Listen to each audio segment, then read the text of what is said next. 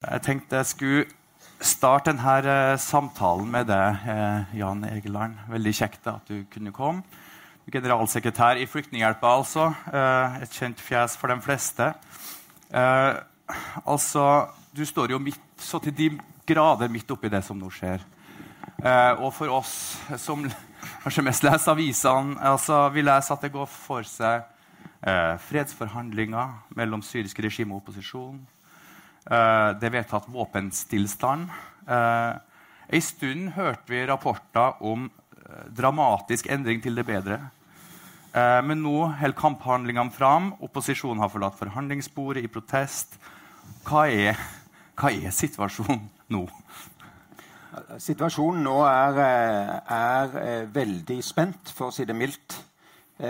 historien til Mahmoud her er, fortelles fortsatt hver eneste dag av 100 000 av syrere. Samtidig som det er, det er jo håpefullt eh, nå. Det kan også bli et bedre år, 2016, enn de helsvarte, blåsvarte årene 2013, 14 og 15. Eh, dette er bildet av eh, Jarmuk. Det er ikke alle som kan se det. Men det, kommer, det er også dette episke bildet som mange kjenner, står på forsida av boka. Eh, altså, I Jarmuk er det fortsatt tusener av mennesker. Og det, er, det ser ut som Stalingrad der. Eh, og det er veldig mange andre områder, Aleppo, Homs eh, og de beleirede byene, Duma, Daraya etc. Det er sånn i, i, den dag i dag. Og de siste ukene har det blitt verre kamper igjen etter at våpenstillstanden stort sett holdt eh, i lang tid. Så nå kan det virkelig rase, eller vi kan redde det hele da, til Genéve i, i, morgen. Og, det, og det, det, jobbes veldig intensivt fra veldig mange. Men bare si, eh, Jeg skal ikke snakke langt, men altså, de menneskene de e, e, eksemplifiserer i og for seg utfordringen. Det er palestinere. Deres besteforeldre flyktet til Jarmuk i 1948. Så de har hatt flyktningstatus til i dag. I, eh, er, de bor liksom i Stalingrad, og det er fortsatt kamper hele tiden. IS er der, ekstremister er der, og Assad-styrkene eh, beleirer eh, byen. Kan så de bare dra og få hjelp i nærområdene? Nei. Det er ingen land som vil ha dem i nærområdene fordi de er palestinere. Og det som skjer samtidig, er altså at Europa sier nå stenger vi alle grensene, og nå skal vi sende penger til nærområdene. De har ingen eh, muligheter hvis vi ikke endrer vår politikk. Og det skal vi komme tilbake til. Eh, jeg har lyst til å introdusere eh, neste i panelet, Hilde Frafjord eh, Jonsen, Jonsson. Unnskyld. Før du kom tilbake til Norge og ble generalsekretær i KrF, så var du FNs spesialutsending til Sør-Sudan. En svært ung stat prega av borgerkrig og store flyktningstrømmer. Du har vel i ettertid gitt uttrykk for at du var skuffa over at Norge ikke bidro mer i Sør-Sudan. Eh, ikke minst militært. Nå er ikke det aktuelt i Syria, men, men, opplever du at Norge gjør nok for flyktningene i Syria og nærområdene i dag? Jeg tror I den situasjonen vi nå står i, tror jeg svaret er helt entydig nei. Det gjelder oss alle. Det gjelder alle land. Det gjelder regionen. Det gjelder alle. Det er ingen som egentlig nå stiller opp nok i forhold til de lidelsene som denne befolkningen er, er midt oppi. Og hvis vi kan sammenligne, så har jo eh, Libanon, som er et av de landene som har tatt den største belastningen, eh, de har tatt imot eh, veldig veldig mange. Og hvis vi skal sammenligne hva som hadde vært det tilsvarende tallet i Europa, så hadde det utgjort 100 millioner mennesker i Europa. Eh, det er UNHCR som har gjort denne beregningen. Og UNHCR sier at de ønsker at Europa skal ta imot eller i hvert fall utenom nærområdene, at det skal være 478 000. Man har kommet opp i 179 000 foreløpig. Og nå krangler europeiske land om eh, muligheten til å unngå å ta imot. Det er klart ingen av oss stiller opp slik vi bør. Eh, og det er, eh, det er en uverdig situasjon at vi nå ser europeiske land eh, konkurrere om eh, hvem som er strengest, tøffest, og sender de sterkeste signalene om ikke å komme hit. Men du er jo politiker altså, øh, og har vært utenriksminister. Altså, hvor stor makt har Ikke utenriksminister. Nei, nei unnskyld. Utenriksminister. unnskyld.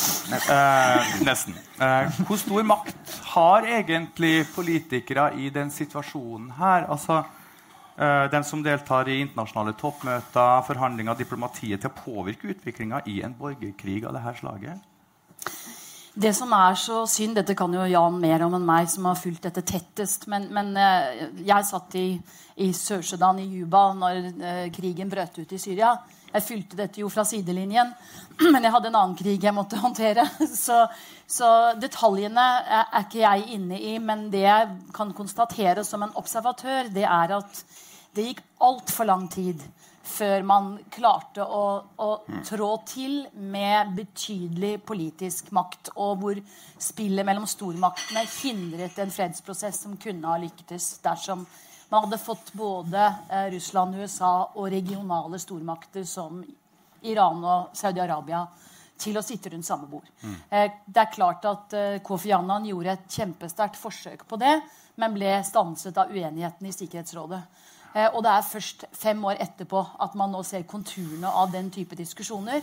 Og det er jo eh, fryktelig, et fryktelig nederlag for det internasjonale fredsarbeidet at man ikke klarte å komme til det felles bordet eh, med en genuint engasjement tidligere. For det er klart at når det har kjørt Unnskyld meg.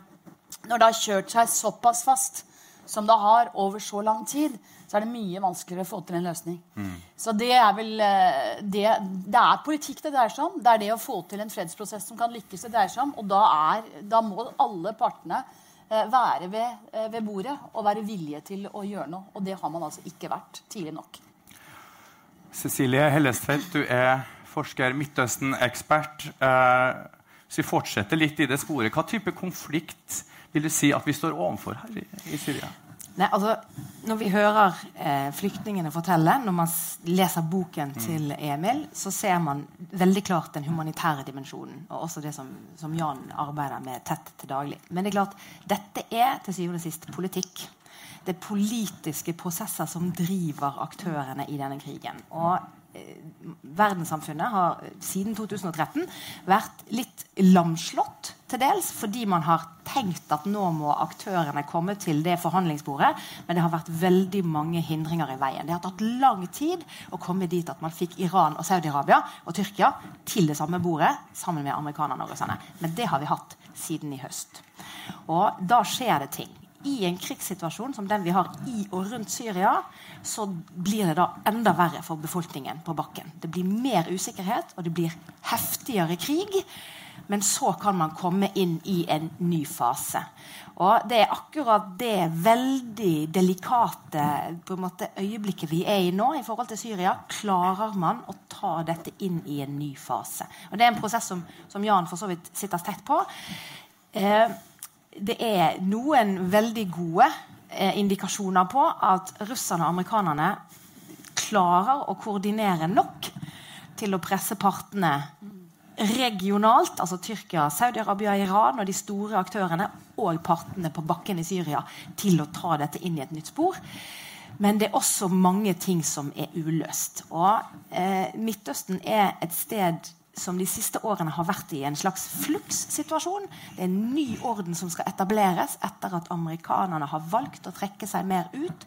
Andre aktører skal på en måte fylle det rommet. Og det er en veldig krevende prosess. Syrerne har helt uforskyldt blitt stående midt i den skvisen og må betale den absolutt høyeste prisen for at de regionale aktørene ikke klarer å ordne dette her på en bedre måte. Eh, jeg tror at mangelen på skikkelige virkemidler for å presse aktørene er kanskje en av de største utfordringene vi har i og rundt Syria. Eh, når det gjelder flyktningepresset som dette har skapt, så har dette vært en katastrofal flyktningkrise siden 2013. Det var i 2015 at det kom til Europa, og vi ble oppmerksom på det. Det har vært en katastrofal situasjon siden 2013. Europa har sviktet i møte med det som skjer i våre naboområder i sør. Vi trakk oss tilbake i 2013, og vi syntes dette ble krevende. I 2015 kom det til våre breddegrader, og vi vet ikke hva slags instrumenter vi skal møte dette her med. Så dette er en krise først og fremst for det syriske folk, for nabolandene, men det er også en stor, stor test for Europa. Og Egeland, du har jo brukt ordet eh, test eller prøve. og eh, tenk, Hvis vi fortsetter litt her, hva tenker du er forutsetningene for at en skal få ei for en bedre utvikling her nå? Eller altså i det hele tatt kan se lys i tunnelen?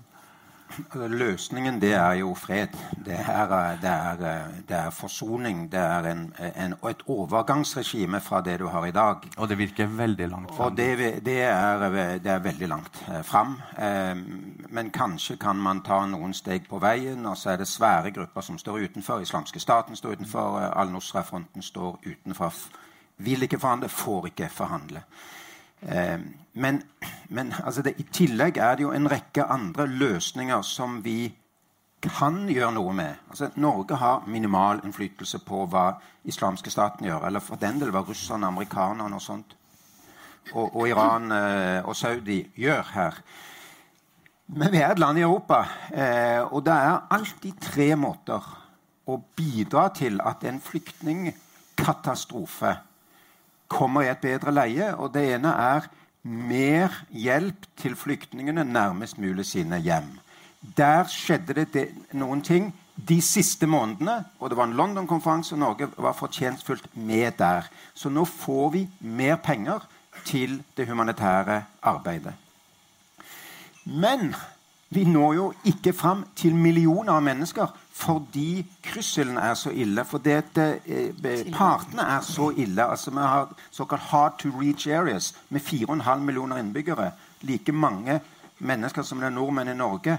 Og hva er hard to reach area? Jo, det er en omskriving av de får sporadisk hjelp. Og så er det en halv million som var i beleirede, by, beleirede byer, og de kan kanskje få hjelp i et luftdropp av eller til. Eller en konvoi hver andre eller tredje måned. Altså det er helt det er sånn som sånn som her. Så det er ikke mulig å hjelpe alle i nærom, nærområdene. Det er, det er, en myte som er skapt av en, av en, masse politikere. Nå må vi hjelpe i nærområdene. Det, det, det, er bare delvis mulig. Så må vi da gjøre mye mer inn i, i nabolandet. Og, og eh, Emilie André nevnte Jordan. De har jo heller ikke fått nok hjelp. Så de har stengt grensene sine. Det er òg en myte at ja, men syrerne kan bare reise over til nabolandet. Det kan de ikke. Der står titusener av kvinner og barn og, og, og blør og dør på, på, på innsiden av, grensene. Eh, og de som er i Libanon og andre steder, de teller dagene til de kan dra over at, at, eh, Middelhavet. Fordi de får ikke nok skole, de får ikke framtid, de får ikke utdanning. Derfor er det i tillegg til å satse på nærområdene og, og lokal integrasjon i nabolandet, må vi også verne om asylretten. Og Det er derfor det er en katastrofe, det som har skjedd nå. At det kontinentet, Europa, som skapte flyktningkonvensjonen For vi var flyktninger, så vi ville så gjerne ha en flyktningkonvensjon etter andre verdenskrig. Det kontinentet, vi som har fødselshjelperne for det, er nå begravelsesagentene for flyktningkonvensjonen, asylretten. Etter 2000 år med å hegne om den, sagt, og en konvensjon da i 1953 den er nå eh, i ferd med, med, med, å ødelegges. Så der, Derfor er det veldig bra du er tilbake i politikken, Hilde, med ditt energinivå. Så håper jeg at du kan liksom bidra til at, eh, at, vi får en diskusjon her. For dette, det norske folket lures hvis de tror at nå kan vi bare hjelpe alle i nærområdene. Noen må også komme hit. Og det antallet vi har tatt her, er tilsvarende det at det kommer en liten eh, skolejente med ransel inn i en skolegård på 600 elever én gang i året. Det, det, tror jeg vi klarer å integrere i det, i det antallet. Mm. Og nå er du inne på, på nærområdene. Når jeg leser eh, boka til Emil, eh, så, så, lærer jeg mye om hva som foregår i nærområdene, og omfanget her. Jeg, tenkte, og jeg blir nesten redd for at altså, er, det fare for, er, det fare for, at det kan bli enda verre? Altså At nærområdene kan bli destabilisert av den situasjonen som er nå? Jeg tenker spesielt Helleseth, om du kunne kommentere den situasjonen? Altså, Libanon, Ja. som er et bitte lite land eh, like, på, altså, like ved Syria, og som Syria historisk har hatt veldig nære forhold til eh, Syria trakk seg tilbake igjen fra militær eh, nærvær i Libanon i 2005. Det er ikke lenge siden. Libanon er helt på grensen av det et land kan takle. De offisielle tallene eh, er én ting. De reelle tallene er enda verre. Norge har jo på giverlandskonferansen singlet seg ut Libanon som det landet Norge velger, skal velge å hjelpe eh, primært. Men det er klart, både Libanon, Jordan, Irak og Tyrkia har sine egne interne utfordringer. Eh, og flyktningstrømmen fra Syria er med på å gjøre de utfordringene veldig mye mer krevende. På ulike måter. Så spørsmålet er hvordan kan man hjelpe hvert enkelt land rundt Syria med sine særegne utfordringer rundt flyktningstrømmen. Og det er krevende. Det er veldig vanskelig, eh, selv om det internasjonale samfunnets respons har vært litt kaotisk, ukoordinert og veldig fragmentert frem til helt nylig. Og nå har på en måte ting begynt å ta seg opp i løpet av det siste året. Så begynner det å bli en bedre respons. Problemet er at konflikten allerede siver inn i naboland. Dette er en form for krig som er mye vanskeligere å kontrollere eh, enn den vanlige to, med, krig, krig mellom to stater eller en helt klart definert organisasjon.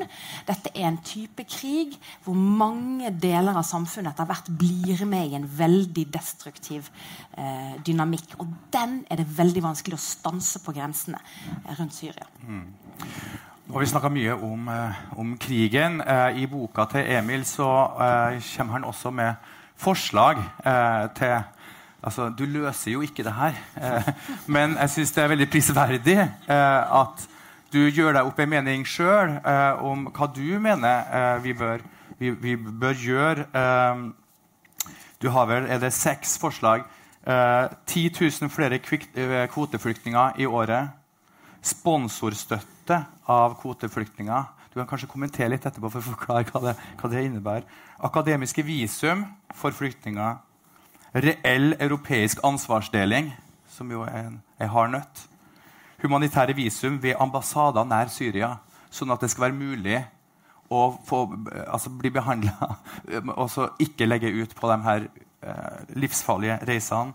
Og en omfattende oppbyggingsplan eh, for nærområdene. Infrastruktur, skole. Eh, Emil, kan du utdype litt eh, de her eh, tankene du har gjort deg om hva som er mulig å gjøre? Ja, fordi det, Disse forslagene som jeg kommer med, er jo ikke jeg sier ikke at det er fasiten. fordi veldig mange andre har kommet med forslag eh, som jeg eh, har latt meg inspirere av. egentlig. Eh, og det er mange gode forslag ute. Det jeg eh, skriver i boka, og som jeg òg vil si veldig sterkt, det at jeg opplever at uh, en del norske politikere, spesielt, uh, spesielt kanskje den regjeringen vi har nå, ikke har vært villige til å se etter de gode løsningene for hvordan vi kan eh, bidra. Man har vært veldig opptatt av å definere problemene med hva løsninger uh, som har blitt foreslått, og mindre opptatt av å se etter hvor, hvor er de gode løsningene. De gode løsningene har, Jeg har jo nå jobbet med denne boka halvannet år, og eh, alle jeg har snakket med, har eh, gitt meg eh, tips til løsninger på små ting for flyktningene. Som kan gjøre livet bedre for flyktningene. Eh, som ikke har blitt gjennomført. Og så kan vi spørre hvorfor det ikke har blitt det. Det, det undrer jeg meg sjøl på.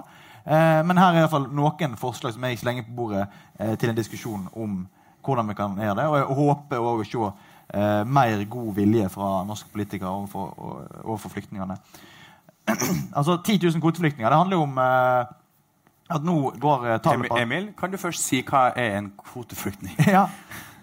Kvoteflyktninger og asylsøkere bruker mye tid på å forklare eh, boka hva, er hva. Eh, jeg gir masse eksempel og, og kommer med eh, Men en asylsøker kommer jo til Norge og søker asyl på egen hånd. Eh, det er jo hovedforskjellen. At man må banke på døra vår og be om hjelp. Mens en kvoteflyktning blir plukka ut i nærområdene til Syria eh, etter definerte kriterium. Eh, sårbarhetskriterium som er, er viktig for å, å oppnå kvoteflyktningstatus. Det betyr at de aller mest sårbare flyktningene, som ikke får lagt ut på eh, ferden over Middelhavet på egen hånd, For dem er det stort sett ingen andre muligheter enn å bli kvoteflyktning. Og det er jo de flyktningene jeg har prøvd å intervjue og, og søke, oppsøke. Jeg har prøvd, og når jeg har snakket med flyktningkonsulenter i kommunene, og sånn, og spørre ja, men eh, det er Greit at dere har kvoteflyktninger, men eh, eh, de aller mest sårbare flyktningene Bare for å høre deres historier. Hvordan var det egentlig å være kristen flyktning i Libanon i en, i en når du opplever at du blir forfulgt? Eller eh, du har blitt fanga av IS og er homofil. Hvordan var det da å leve i, et, eh, i en flyktning i et naboland? Så det har jeg prøvd å gjøre. Og disse flyktningene de kan vi ikke hjelpe på noen annen måte enn å ta dem eh, som kvoteflyktninger, eller at andre land gjør det. Foreløpig som eh, Hilde var inne på, så er det veldig få land som har Eller skuffende få som har blitt tatt ut av nærområdene. Av de eh, 478 000 som nå eh, FN har oppgradert tallet til, så, så, er det vel 170 79. 79. Takk, Hilde. Dere skjønner hvem som er generalsekretær i KrF. Eh, og, og, det betyr at jeg mener at så lenge den situasjonen vi har nå, er, er så eh, prekær som den er i Syria, og det kommer den sannsynligvis til å være en stund til, så må Norge ta et større internasjonalt ansvar for kvoteflyktningene. I fjor kom det 15 000 syriske asylsøkere, eller i 2014 og 2015. Eh, det betyr at vi har muligheten til å ta 10 000 syriske kvoteflyktninger de neste årene, når det nå ser ut til å komme færre asylsøkere pga. flyktningpolitikken som EU dessverre eh, fører. Men det gir oss også et rom, fordi kommunene nå har sagt de har mulighet til å bosette 15 000 kvoteflyktninger eller flyktninger i året. Da. Og Du har sagt i den grad eh, vi må prioritere, og enhver stat gjør jo det.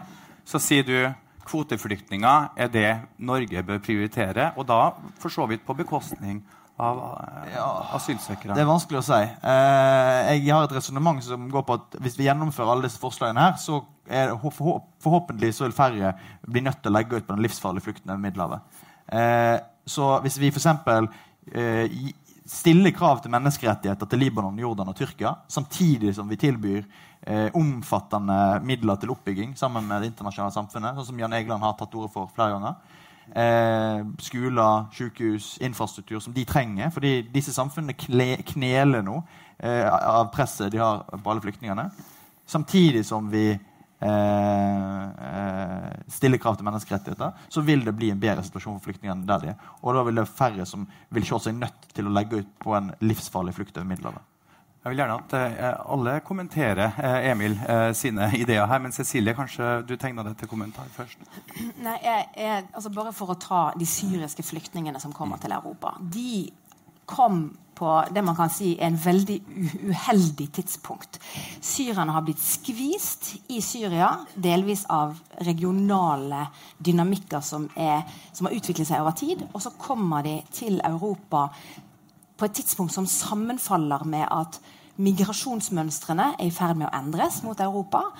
Flyktningstrømmen mer generelt mot Europa er også i ferd med å ta seg opp, som har sammenheng med ting som ikke har noen ting med egentlig Syria å gjøre.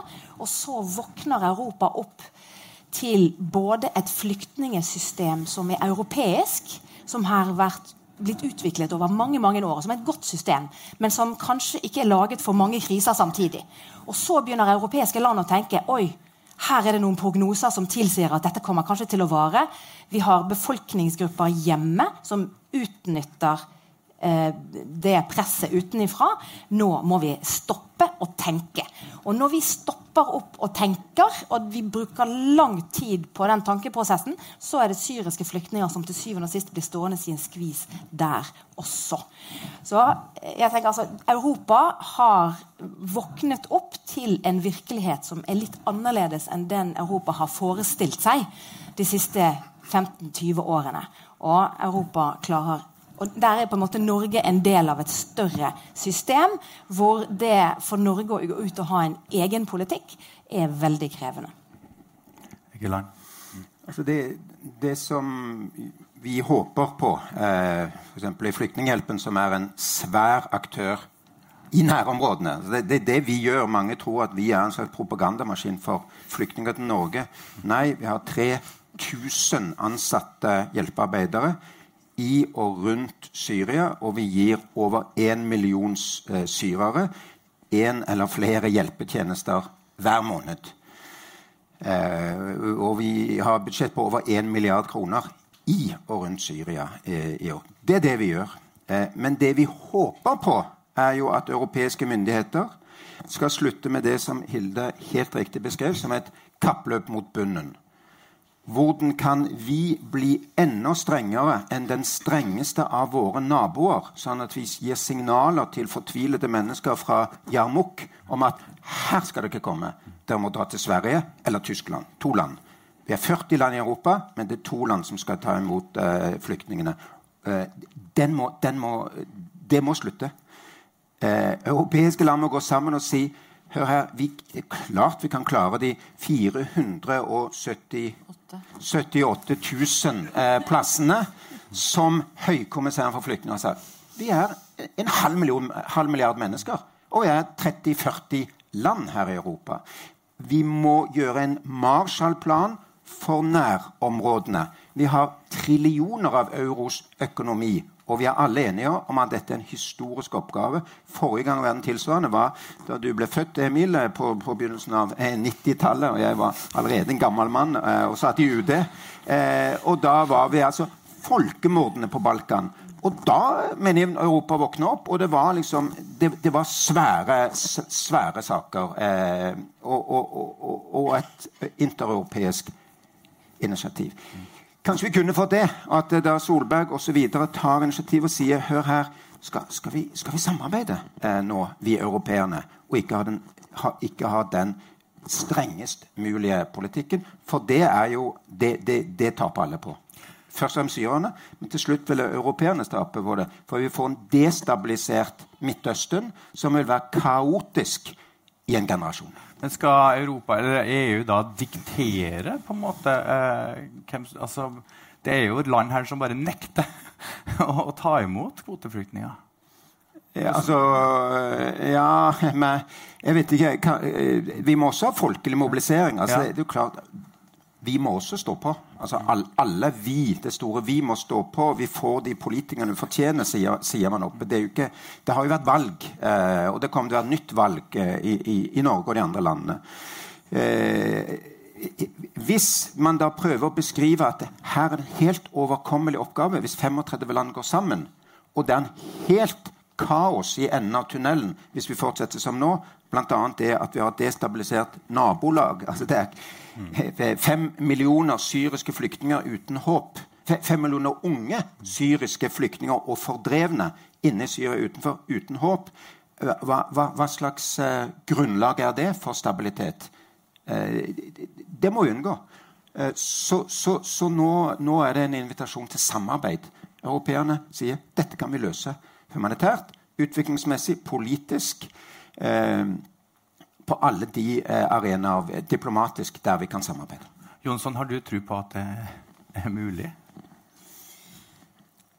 Jeg er veldig eh, bekymret for eh, det man nå ser, nemlig en sånn eh, redde politikere. Mm. Eh, det virker som det er veldig mange redde politikere i Europa. Man er redde for velgerne, man er redde for det som kommer, man er redd for det scenarioet man ser. Uh, og så virker det som det er uh, også en form for mangel på evne til å tenke langsiktig og skjønne hvilken dynamikk som egentlig foregår. og jeg tror at hvis en har en, et lederskap som klarer å peke på hva som er konsekvensen av å ikke gjøre noe, og samtidig vise at det er mulig å få noe til, så tror jeg du også kan bidra til å snu folkeopinionen. Eh, og det er det jeg tror vi mangler nå. Vi har ikke sett en vilje til å stå opp og si nå bretter vi opp ermene. Dette er et europeisk ansvar. Dette må vi få til i fellesskap. Eh, og så og, og, på en måte peke på hva som er mulig, istedenfor hva som er så vanskelig. Og det, eh, det gjør at du får denne uverdige konkurransen. Ehm, jeg håper at eh, det Jan sier, er mulig. Nemlig at eh, man kan skape et, et, et lederskap i, Europa som, som, snur denne dynamikken. Fordi det man ser nå, er den motsatte. Og hvem det er som skal stå opp her, det blir spennende å se. Men det er klart Angela Merkel har jo vært til nå den som har stått der som en bauta. Nå har vi fått en Tyrkia-EU-avtale som har sine sider. Eh, Ja, den har sine sider, sier du. Altså, jeg vil gjerne høre litt om den, fordi eh, da den eh, ble vedtatt, så hørtes det ut som en quick fix eh, eh, på mange problem. Men så enkelt er det jo ikke. Nei, altså eh, FNs høykommissær for flyktninger har jo eh, understreket eh, at avtalen i utgangspunktet skulle være i tråd med folkeretten og måtte implementeres eller gjennomføres i tråd med det. Men så har det jo vært spørsmål knyttet til det, i og med at kapasiteten på den greske siden ikke er stor nok, og man har sett også lukkede mottak osv. Så, videre, så så UNHCR og mange av organisasjonene har på en måte trukket seg fra deler av det som skulle bidra til å gjennomføre denne avtalen. Så den, det, er jo også diskusjoner rundt asylretten med å swappe flyktninger eh, Eller swappe asylsøkere, for å si det sånn. Så eh, dette er ikke noe enkelt. Um, så jeg er redd for at jeg ikke kan komme med den store optimismen her, eh, men kanskje heller utfordre alle oss. For jeg tror til syvende og sist så er eh, vi alle i et demokrati. Og hvis, eh, hvis politikere hører at det er faktisk folk som ønsker å stille opp for andre og ønsker å se seg selv i speilet i morgen og om ti år, og ikke har sviktet, eh, da er det mulig at vi kan få også en eh, politisk støtte for å stille opp eh, mer enn vi gjør i dag. Jeg tror at det må være oss og vi som gjør noe med det. Og som klarer å snu denne, denne redselen uh, som ser ut til å styre veldig mye av, uh, av, uh, av stemningen. Så det er å snu fra frykt til, å, og, og til, til mot og til å vise vilje til å være mer Til å stille opp, da. Og da trenger vi frivillige organisasjoner, vi trenger Agenda, vi trenger alle mulige tror jeg, aktører som kan bidra til det. Og kunnskap. Sånn at, at, at vi kan snu dette. For jeg vi, vi, Verden går ikke fremover hvis, hvis redselen får styre, altså. Ja, det er fascinerende og skremmende å se hvordan opinionen i Norge og jeg tror jeg mange land har skifta veldig fort. Altså, jeg husker da, da dere tok initiativet, var det i mars? Eh, eh, den kronikken eh, sto over hele landet, og dere tok initiativ til 10 000 kvoteflyktninger. ikke sant? Så endte det med det her eh, kompromisset med 8000 over tre år. Eh, og det var ganske stor vilje oppfatter jeg, i det norske folket også, Ja, til at her skulle vi gjøre noe Og dugnad under valgkampen. Aylan. Altså, det var en fantastisk atmosfære. Og alle atmosfære. lot seg jo eh, røre av, også av bildene av eh, barn, og ikke minst gutten som lå drukna på stranda. Eh, men så skifter det. Det gjorde jo det. Opinionen skifta.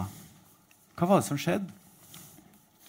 Altså det, det som, eh, jeg, jeg tok fram igjen Pål eh, neste gang jeg får, ble nesten nostalgisk når du ser pressemeldingene fra Det virker som en, en generasjon siden, men det er altså nøyaktig et år siden vi hadde denne felles tid. Elleve organisasjoner. Eh, en, et utfordring til de parlamentariske lederne i Stortinget. Gi en ekstra humanitær milliard til Syria og 10 000 kvoteflyktninger beskyttelse i Norge. Og det var Den norske kirke og det var all verdens organisasjoner. Eh, altså det, det er det, vi ba om, var mer hjelp i nærområdene, og så var det over to år 10 000. Eh, det, eh, det som jo skjedde, var ikke at det gikk ut bud fra Norge da om til verden om å komme til Norge, som noen prøver feilaktig å si. Og det var derfor det ble en, en stor tilstrømning fra og med midten av sommeren og utover høsten. Samme tilstrømning kom altså ikke bare til Tyskland og Sverige, men til eh, ja, Finland og Østerrike. Nesten alle eh, de, de vestlige eh, landene eh, i, i Europa fikk det. Eh, det som var egentlig historien her, og journalistene har ikke fått den fram, var jo at Norge var helt uforberedt på den asylsøkerstrømmen som var helt sikkert å komme. Det var forutsatt av Frontex. Organisasjonen hadde sagt det i mars. Vi hadde sagt det i mars, april og mai. Det kommer. Fire millioner mennesker begynner å gi opp. Altså Syrerne har gitt opp. Afghanerne har gitt opp. De, de har rett og slett gitt opp i sine områder. Irakere, eritreere, somaliere. Det vil bli en mangedobling i forhold til de, til de som kom over 2014. I, i, altså I 2013 var det 100 000. I 2014 var det ca. en kvart million som kom over. I 2015 ble det 1 million. Det var helt, helt forutsigbart. Men Norge ble sjokkert. Og var totalt uforberedt på Storskog og alle disse andre steder. Og da fikk man de redde politikerne. Mm. Så hvorfor var, Det store spørsmålet er ikke hvorfor kom de. store spørsmålet var jo hvorfor var vi så uforberedt at vi fikk panikk. Og så fikk vi til slutt en, en, en, en politikk som gikk ut på å få de strengeste familiegjenforeningsreglene i Europa, eller er det verden kanskje nå? Eh, og, og, og, hvilket er jo rart, i og med at vi får beskjed i vårt hjelpearbeid fra, fra, fra alle verdens eh, myndigheter, også de norske, om å gjøre mest mulig for å holde familiene sammen. For ellers så går det galt med, med, med den ene og den andre. Og, og, for å forebygge ekstremisme og hva, hva, hva enn. Så her skal vi holde dem mest mulig atskilt. Så ja, jeg tror det er frykten for det vi var uforberedte. Mm. Jeg har lyst til å åpne for spørsmål fra salen. Eh, Karstein, du skal finnes en plass her med en mikrofon. Eh, og dem som har lyst til å, å stille spørsmål her til panelet, eh, har anledninga nå. Da kan du bare rekke opp en hånd, så kommer Karsten fram med mikrofon. Og så vil jeg også si, uh, vi nærmer oss slutten nå. kjøp boka før dere går. Det er en viktig bok. Det er viktig bok. Uh, men oss, uh, mens uh, du ser etter spørsmål, så kan vi allikevel fortsette litt. Cecilie. Nei, bare for å plukke opp det som Jan sa om denne skal vi si, nærmest perfekte stormen som var i ferd med å bygge seg opp, så er det jo ikke bare i nærområdene blant flyktningene at det var signal. Det var også sterke signaler i Europa. Bl.a. da italienerne i 2014 valgte å legge ned Mare Nostrum-operasjonen sin, eh, som var denne redningsaksjonen som eh, italienerne hadde kjørt i Middelhavet, fordi ingen andre europeiske land var villige til å være med på å dele den byrden med de som da ble plukket opp. Og eh, Vinteren 14-15 så var det jo helt åpenbart også hva som kom til å skje på europeisk side. Så dette kom ikke som en overraskelse på noen som ikke hadde stukket hodet sitt i sanden. Det er det ene. Det andre er at for å få til den form for mobilisering, for å gi skal vi si, publikum nok latitude og gi politikerne nok spillerom til å ta de grepene som Europa må ta nå, så må du forklare befolkningen i Europa at nå må man ta noen grep. Og da må du beskrive hvordan verden ser ut. Og i beskrivelsen av verden så er det noen ubehageligheter. Og det er, nå virker det som om folk har sett diagnosen, og så trekker de seg tilbake igjen. Dette blir for vanskelig. Vi må stenge grensene. Så man kommer på en måte ikke over den situasjonsbeskrivelsen. Så spørsmålet nå er hvordan skal man på en måte få politikere og andre til å dra sammen på å finne de beste løsningene.